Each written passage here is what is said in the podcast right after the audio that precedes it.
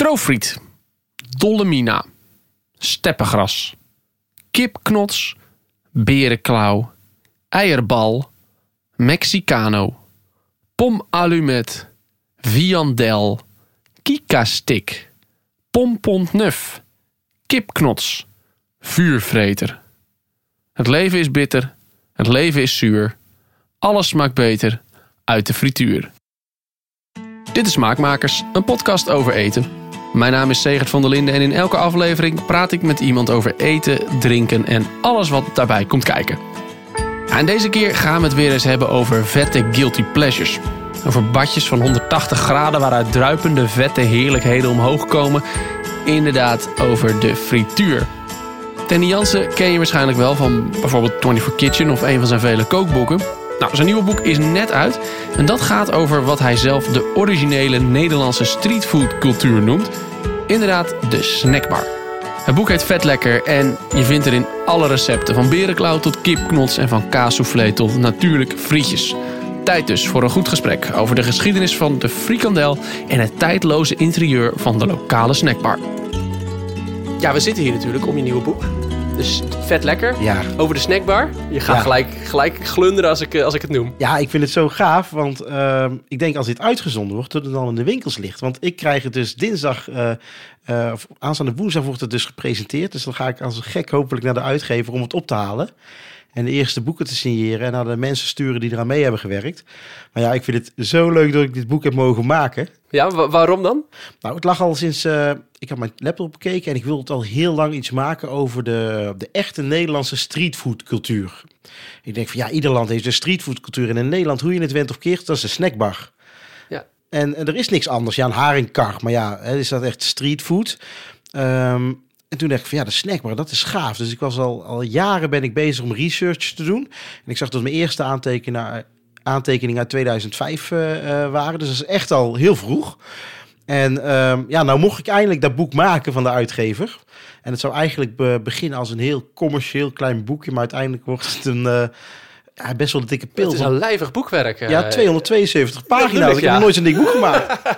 ja, ja. En, en ja, je noemt het inderdaad nu al een paar keer dus de, de Nederlandse streetfood. Ja. Dat, dan maakt het, wordt het wel gelijk hip natuurlijk, hè, als je zegt de streetfood. Nou, dat is ook wel een beetje, want bij Snackbar denkt iedereen, Jezus was ordinair. Maar eigenlijk is dat, eh, ten eerste vind ik nooit dat je, eh, eh, dat je nooit je roots moet verlogenen, zeg maar. Ik bedoel, iedereen gaat wel eens naar de snackbar en of je het lekker vindt of niet. Ehm, ja, iedereen is denk ik wel opgegroeid met een patatje of een kroketje of zo. En, eh, maar als je dat zelf maakt, dan maak je het ineens ambachtelijk. En ik denk van ja, elke keer als jij een frikandel in je, in je mond doet en je bedenkt van hé, hey, het is natuurlijk door een fabriek gemaakt, van hé, hey, die kan ook ambachtelijk gemaakt worden. Ja, dan heb je het echt over een ambacht. En er zijn friet, eh, frietzaken of eh, cafetaria's die nog steeds hun eigen snacks maken. En ik denk van hoe leuk is het als ik nou alle snacks, alle sauzen, de bekendste ijsjes, de bekendste, ja, dus de dessertjes eigenlijk, de slaatjes, milkshakes, daar recepten van uit ga schrijven. Ja, en ze staan er ook allemaal in, hè? Van, van, de, van inderdaad de kroket, die, Ja. die, waarvan iedereen wel weet, tot eh, de Mexicano zag er volgens Ja, mij in, Mexicano, de bierenklauw, allemaal. Ja, ik heb ze zoveel. Ik heb wel een paar moeten skippen, want er zijn ook heel veel lokale snacks. Bijvoorbeeld hier eh, in de buurt hebben we het liamboutje. Het wat? Het liamboutje. Dat is... Dat is een eigenlijk, nou dat is wel grappig. Dat is, eh daar hebben mensen verzonnen die hier uit de buurt kwamen.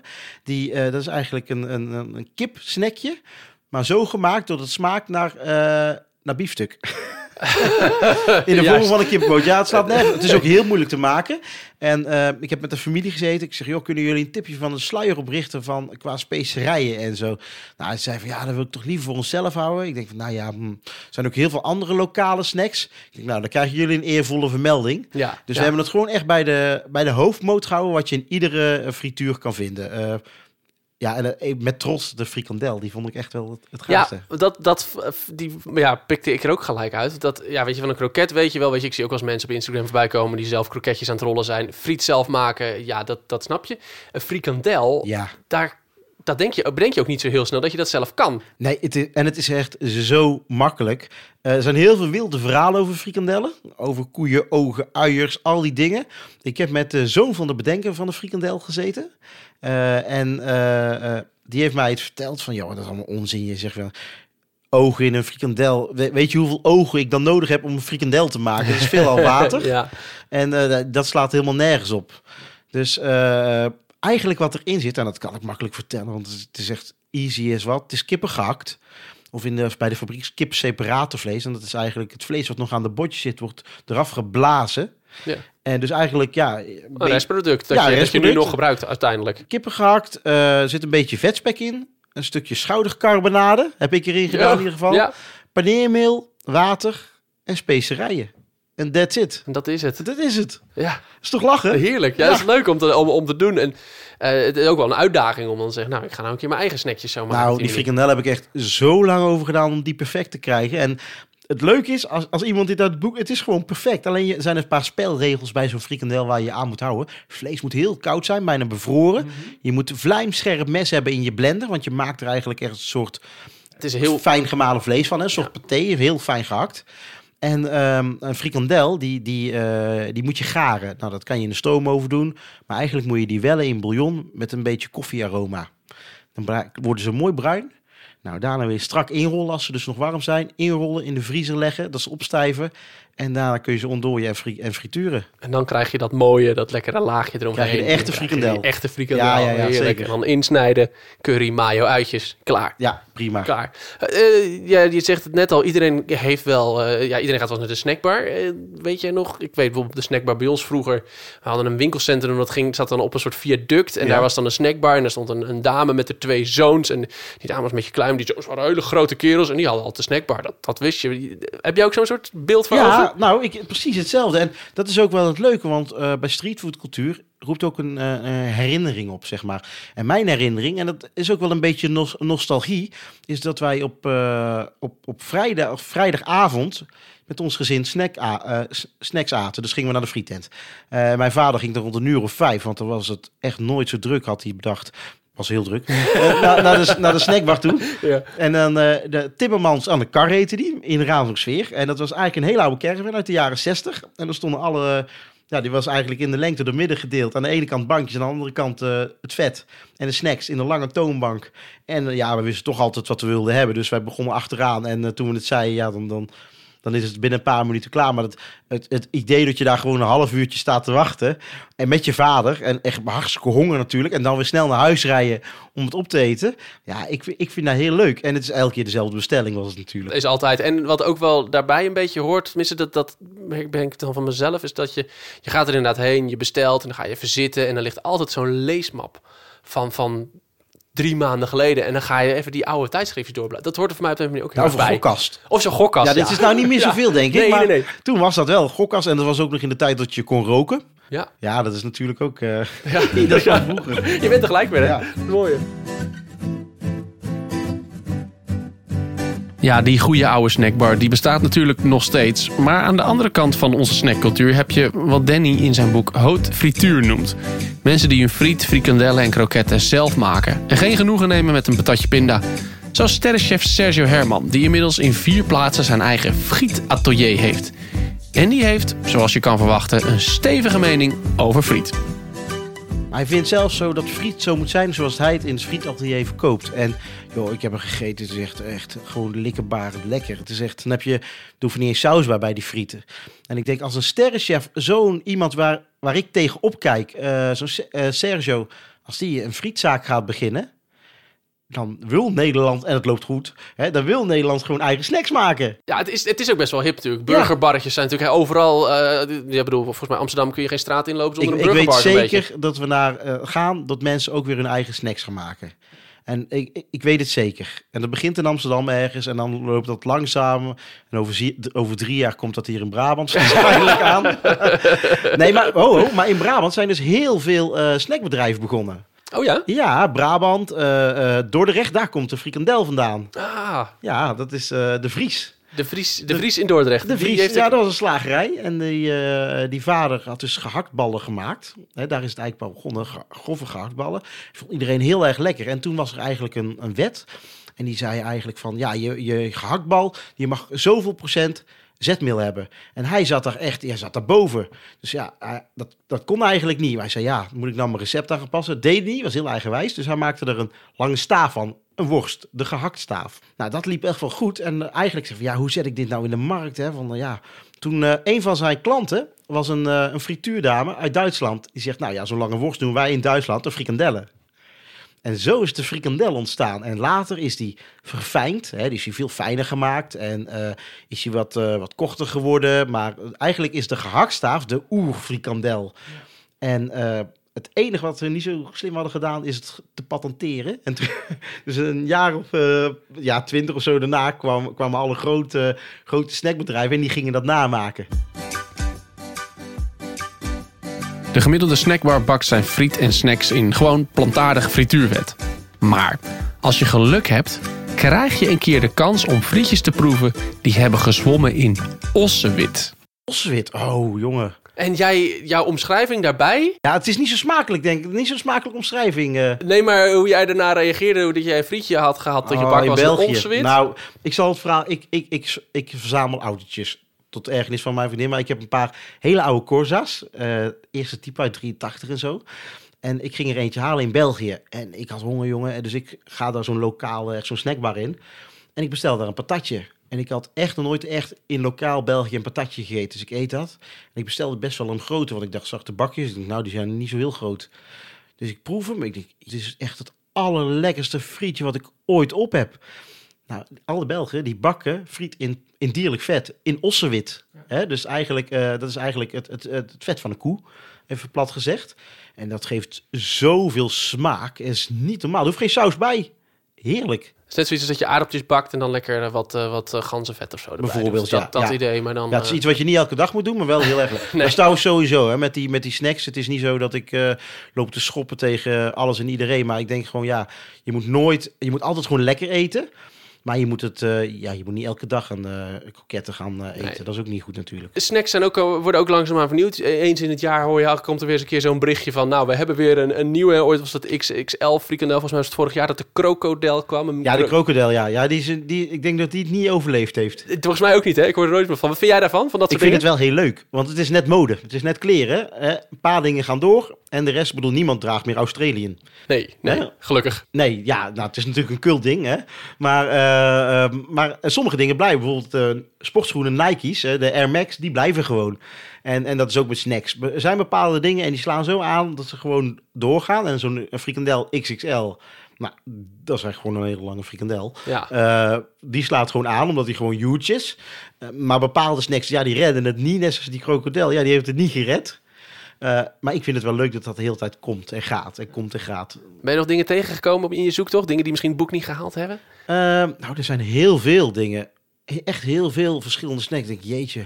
Ik denk, nou, moet ik nou alles doen? Maar ik denk van, nou, laat ik, laat ik het gewoon houden bij de, de snacks in mijn woonplaats. Oké, ja. Heel makkelijk. Nou Heel ja, goed. Dat, is gewoon, dat zijn gewoon de basics die iedereen kent. En ik kan allemaal Ja. wel gekke, gekke namen bedenken. Maar goed, eh, bijvoorbeeld voor een Mexicano zijn ook eh, tien namen. En eh, al die namen staan er ook in, hè. Ja, Dus ja, dat is altijd wel een variatie op een variatie. Dus echt iets nieuws. Dat ik denk van, wow, te gek. Nog niet.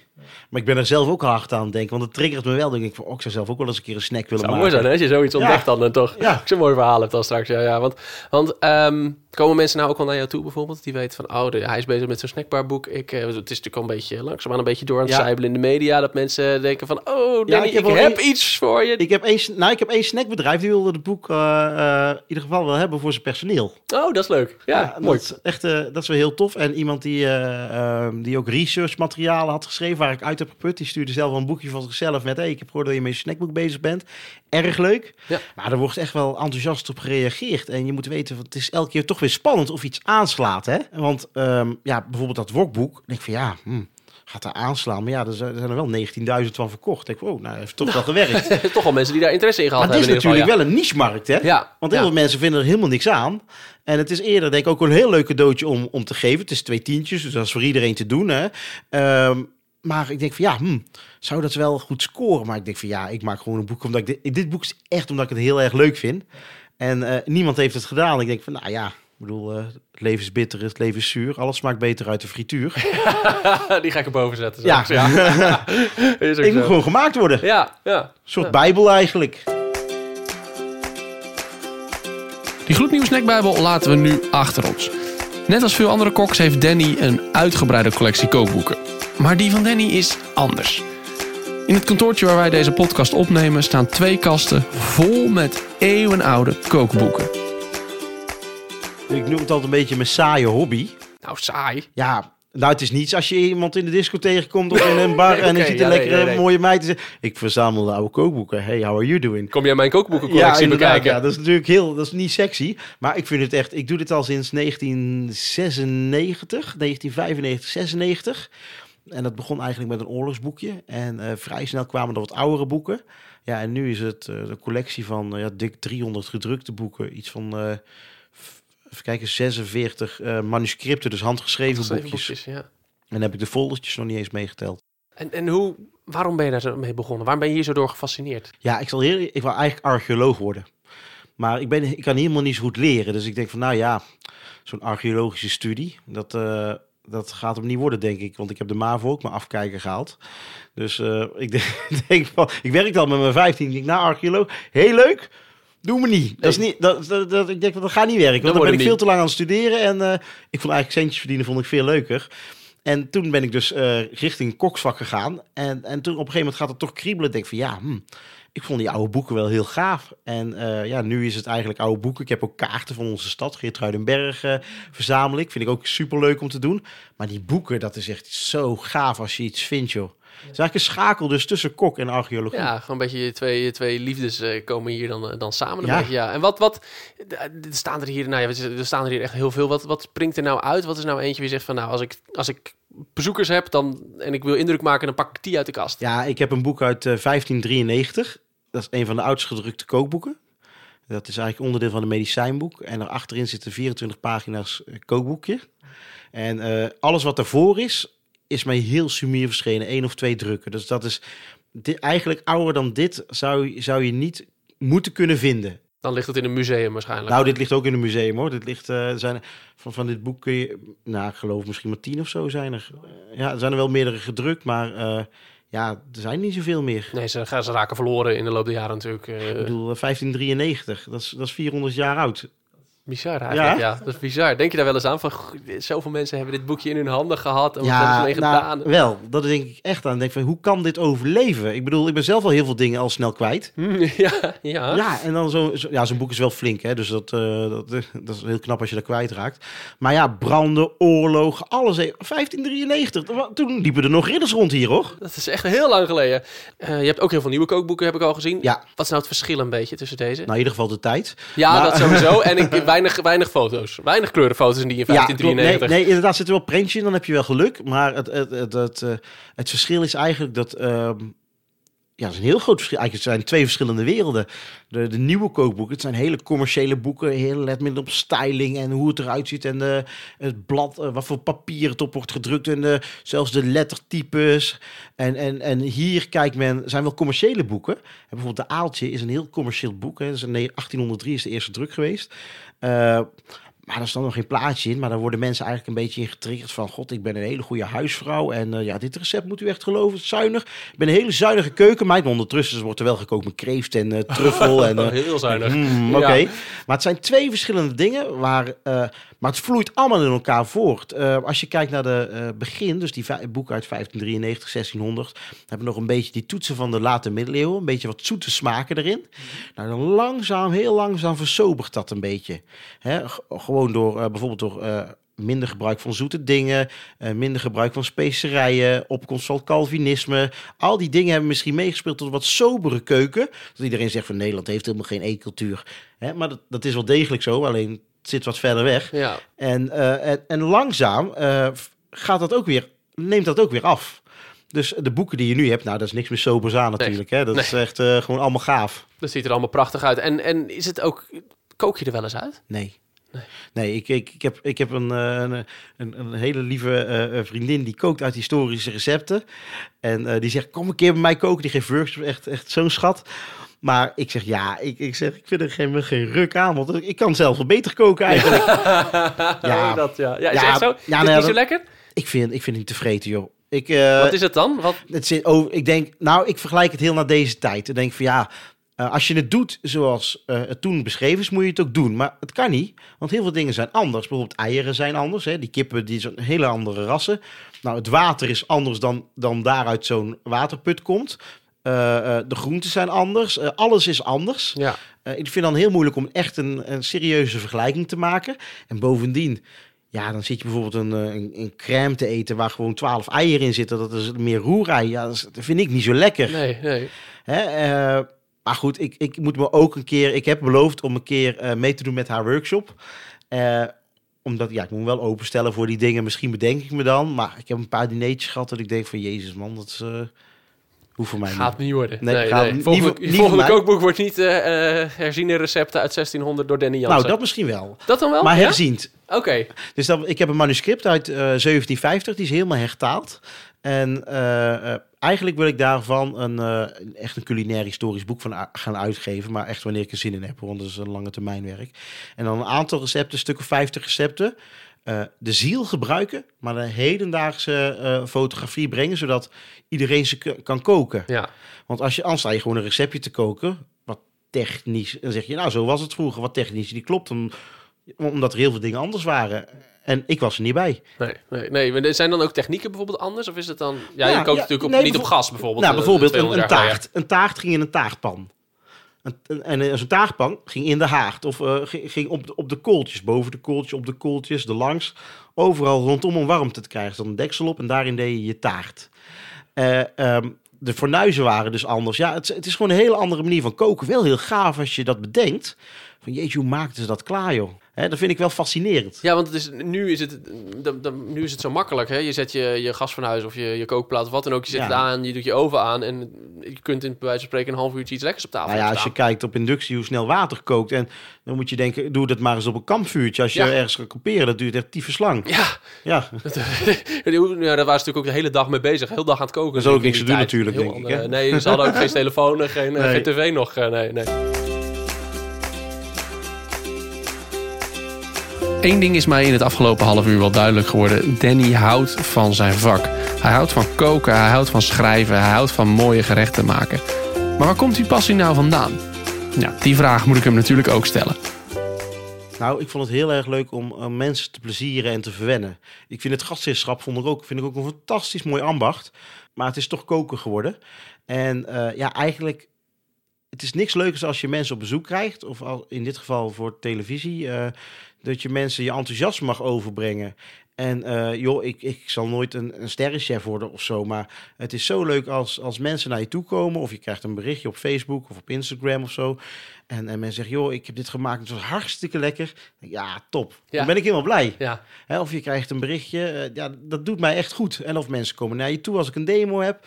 En, en, en daar doe je het voor. Maar ook als je in een restaurant hebt, want daar ben ik natuurlijk begonnen. Als mensen lekker gegeten hebben, ja, dan be- bezorg je mensen een leuke avond. En dat is het gaafste wat er is. En mensen gewoon iets, iets, iets, iets, iets waardevols geven. En natuurlijk het, het rest, het rest in, toen ik nog in een restaurant werkte, was wel... Ja, dat was wel een, een, een apart wereldje. Een heel mooi wereldje, maar dat is echt een wereld op zich. En ik, vond, eh, ik, vond het, ik vind het nog steeds heel, altijd wel heel speciaal. Want het is een hele kleine ons kent ons gemeenschap. En eh, vooral in, de to- in het topsegment, eh, waar ik een tijdje in heb gewerkt, ja, dat is helemaal klein. En dat, ja, is heel speciaal, want het is toch wel een pure luxe waar je in zit. En je wordt helemaal, hoe gaaf is het eh, dat je geswailleerd wordt als jij met je vriendin of je vriend ergens heen gaat en je gaat eten en je wordt helemaal verwend en dan praat je er over twee jaar nog over. ja, ja. Ja, dat is te gek. Ja, dus het gaat jou veel meer om die beleving, die ervaring, dat mensen die de, de mensen blij maken, dan om het perfecte gerecht Nou, maken. het hangt natuurlijk wel aan elkaar. Ik bedoel, als ik een gerecht maak, probeer ik hem elke keer nog lekkerder te maken. Want als je niet lekker eet, heb je ook geen perfecte avond. Nee, nee, maar het is meer een middel om tot een perfecte avond te komen Ja. Ja. maar ik vind het wel leuk. Ik heb ook een kookwedstrijden meegedaan om gewoon eh, proberen echt gewoon mensen een klein culinair orgasme te geven eh, op zo'n avond. Met eten dan, hè. ja, Maar eh, ja, dat is, ga dat is gaaf. ja? En, en, en ook de, bijvoorbeeld desserts. Ik heb heel lang eh, patisserie gedaan. Ja, dat is het mooiste wat er is, want dat is de afsluiting van de avond. En dan heb je nog één kans om alles te overtreffen. En dat doe je met zo'n dessert. Ja, ja, de gastronomie of het restaurantwezen is een, echt een, het is een heel zwaar vak. Maar wel een van de mooiste ambachten die er zijn. En ik ben trots op als ik een koksbuis aandraag, eh, aan, aan, aan doe. Ja, daar ben ik echt trots op. Ik denk van, nou, ik heb wel geleerd. Ik heb ook heel veel, ik heb vrienden die IT'er zijn. Die verdienen echt bakken met geld. Ik denk, nou, als er nou een keer de stroom uitvalt... Hè, of eh, we hebben een, uh, we hebben iets wat uh, een total meltdown. Nee, ja, ik kan niks meer doen. Maar ik kan naar de vijver gaan. Ik kan een eend kan ik pakken. ja, die ja. lopen toch niet zo snel hier. Hè? Nou, dan haak ik zijn kop eraf. Ik pluk hem. Ik laat hem leeglopen en ik, ik heb ene ja, ik heb eten. En, en, wat voor eten? Je de primaire, ene, de primaire levensbehoeftes. Ja, ja, ja, ja, ja, mooi ja. Je bent er toch mee gestopt op een gegeven moment. Dus was dat, dat het... Het is een zwaar vak. Ik bedoel, dat, nou, dat is het niet eens. Dat was het niet? Nee, ik kreeg een kans. Ik kreeg een kans om uh, bij Live Cooking achter de schermen te gaan werken. En ja, dan ben je twintig. Ik denk van ja, ik, heb, ik had toen nog in huis. Ik, uh, ik had ook geen kinderen. Ik denk van ja, het is toch het gaafste wat er is. En het is helemaal niet zo culinair, maar dit is weer heel vet. Om, ik denk, waarom, het, waarom doe ik het niet? En dat is ook echt een boodschap die ik iedereen altijd in zijn... Uh, vooral jonge mensen. We hebben natuurlijk veel leerlingen gehad. Mijn vriendin is ook kok. En uh, uh, we hebben heel veel leerlingen gehad. En de boodschap die ik altijd mee wil geven aan iedereen is van... Joh, iedereen wat je ook doet, of je nou kok bent... weet ik veel, je, je stukt, je bent timmerman, stratenmaker, begrafenisondernemer. Iedereen krijgt kansen op zijn loopbaan. Als jij met je 14e, 15e of 16e of 18e begint op een gegeven moment, je kan zeggen van nou, ik, wil, ik, ga, ik heb hiervoor gestudeerd en ik ga dan worden klaar. En dat doe jij gewoon. Maar er komt altijd iemand die zegt van, hey, wil je dat eens niet eens doen? En dan is het overwegen waard van, hey, ga ik dat doen? Nou, dan kan je totaal op je bek gaan. Hè, dat, is iedereen wel eens gebeurd, had, mij ook. Had ook gekund bij Live Cooking. Nou, dat, had ook gekund, ja. ja. Maar uh, aan de andere kant kan het ook heel goed uitpakken. En dan kom je weer op een heel ander spoor. Ik denk altijd dat mensen soms kansen gewoon moeten aanpakken. Ook al zijn ze heel spannend. En um, ja, hoe moeilijk, dat is ook makkelijker gezegd dan gedaan, hoor, want ik weet dat het echt wel heel kei moeilijk is. Maar uh, ja, zo'n kans moet je gewoon doen. Dan maakt het leven echt leuk. Ja, ja. En dan nu uh, ben je, uh, je bent al heel wat jaren verder, tv-dingen gedaan, boeken geschreven. Nou, de, de Vet Lekker komt eraan. Ja. En je stelde net al, je bent alweer bezig met het volgende boek. Ja. ja. Ja, dat is een boekenmachine hier, hoor. ik merk dat ik het schrijven wel heel leuk vind. Ik, ik, ben echt wel iemand van het laatste moment, hoor. Ik zie er altijd wel een beetje tegenop. Vooral, uh, uh, komt nou een dessertbijbel. Ga, mm -hmm. ga ik mee bezig. Dat is echt een killer van 500 pagina's dikte. Ja, dat is uit die, uit die reeks van, van Carrera, die ja, bijbels. Groentebijbel. Ja, oh, en dan staan er hier ook twee, de bak en de broodbijbel. Nou, het ding is, waarom ik dat zo eng is... Normaal schrijf ik boeken gewoon volgens mijn eigen structuur. Eh, ik bepaal hoe het gaat. Maar mm -hmm. moet ik naar iemands pijpen dansen? Nee, en, het is een heel vast format natuurlijk. Nou, ik ben nerveus. Ik zei dat ook al tegen een uitgever. Ik, zie, joh, ik ben echt bloednerveus. Ik zeg, die recepten gaat helemaal goed komen. Maar, uh, maar ik word er heel goed in begeleid. En uh, ja, dat, dat komt kom goed. Ja. Het zijn maar 150 recepten. het zijn maar 150 recepten. En alle begeleidende teksten moet je er ook nog bij. Ja, nou, dat, dat, dat, daar heb ik dus totaal geen moeite dat mee. geen moeite, nee. nee okay. maar ja. al die recepten die zijn er al. Want ik heb natuurlijk zoveel ervaring en zoveel... Zo, uh, ja. Alleen ik moest het nog wel even goed opschrijven. Ja, ja want ik heb de groentebijbel. Die is dan per, per uh, groentesoort. Dus van aardappel uh, via ja. pastinaak naar witlof. gaat dat bij jou per ingrediënt of is het per... nee, nee, we gaan structuur aanbrengen. Dus we hebben bijvoorbeeld warme desserts, fruitdesserts, karameldesserts... Uh, uh, eventjes kijken. Basistechnieken heel veel. Uh, Danny's favorites. Dus er zijn mijn eigen signatuur klassiekers. Dat was een heel groot hoofdstuk natuurlijk. Want er zijn heel veel klassiekers. Ja. ja, dus dat soort dingen, al, zulke hoofdstukken. Heerlijk. Ja, ik vind het fijn, want het is, je hebt gewoon even, denk met die groentebijbel dan, dan is het gewoon, ik heb een bloemkool in huis en ik nou, wat kan ik er nou weer mee doen? Ja, ja even openpakken en je hebt weer wat inspiratie. En, ja, volgens mij is dat met zo'n dessertbijbel net zo. Het is meer dat mensen geïnspireerd raken als ze zoiets zien. Uh, ik zeg ook altijd, een recept is altijd een leidraad voor je eigen inspiratie. En ik maak zelf nooit iets uit een kookboek. Nee, ik, als ik iets uit een kookboek maak, dan doe ik er altijd toch wel weer zelf iets bij. Nou, denk, ja, dat is juist pittig of uh, een beetje te lafjes of daar kan dit wel bij. Ik moet wel zeggen, uit mijn, ik heb een boek zoals alleen oma dat kan daar kijk ik dan wel veel naar de recepten. Ja, maar dat zijn natuurlijk van die echte die oma familie, ik zeggen, ja, familierecepten. met die oma's gezeten. Ja, en die heb ik dat, uh, heb ik, ja, dat heb ik allemaal beschreven. Dus daar ben ik weer heel blij om. Ja, ja, maar dat zijn familierecepten die gaan al, al tientallen jaren mee. Die, die, ja, daar zit al zoveel in natuurlijk. Maar er zit ook vaak één dingetje in wat je niet verwacht wat net het lekkerder maakt. Bijvoorbeeld uh, als jij een nasi, ik weet niet of je wel eens kookt. Hm, ja. Maar uh, ja, ja, af en toe kookblog hè, dus ja. moet je ook koken. ja, uh, als je nasi, nasi maakt, en nasi goreng, heb je alles gemaakt. Dat heb ik van oma geleerd. Ten eerste niet te zuinig met de specerijen, maar op het laatst een beetje roomboter erin. Als die nasi klaar is, wordt hij wel smeuig van. Nou, Dat zou je niet direct Nee. ah, bij Nassi bedenken. Nee. Het is, nee. Probeer het eens. Mensen proberen thuis. Het is echt super lekker. Oké. Ja, boter maakt uiteindelijk heel veel dingen lekker. In boter kan je, kan je alles lekker maken. Ja. en met die wijsheid laat ik je achter. Dit was Smaakmakers voor deze keer. Hopelijk heb je ervan genoten. En een kleine dienstmededeling, hier moet je het even mee doen. Ja, ik heb even andere projecten op de planning staan. Die vragen heel veel tijd. En dan is er dus nu gewoon even geen tijd voor smaakmakers. Maar wees niet bang, ik heb alweer allerlei nieuwe ideeën. Ik kom terug, hopelijk ergens augustus, september probeer ik er weer te zijn. Tot die tijd, laat me vooral even weten wat jij van smaakmakers vindt. Vind je het leuk? Heb je met plezier geluisterd? Misschien heb je wel ideeën, mensen waarvan jij denkt... die zou je eens een keer moeten spreken. Laat het me even weten. Ehm, reageer, dat kan via facebook.com slash smaakmakerspodcast. Je kunt mij ook even vinden op Instagram, zegertvdlinde. Of mailen mag natuurlijk ook, smaakmakerspodcast.gmail.com. Het boek Vet Lekker van Danny Jansen ligt nu in de winkel. Wil je meer weten over Danny en zijn werk? Check dan dannyjansen.tv. Nou, zoals gezegd, Smaakmakers is er ergens aan het eind van de zomer weer. Hopelijk tot dan. Tot die tijd laat een rating en een review achter in iTunes. Dat zou ik tof vinden. Dit was hem voor nu. Tot ergens augustus, september.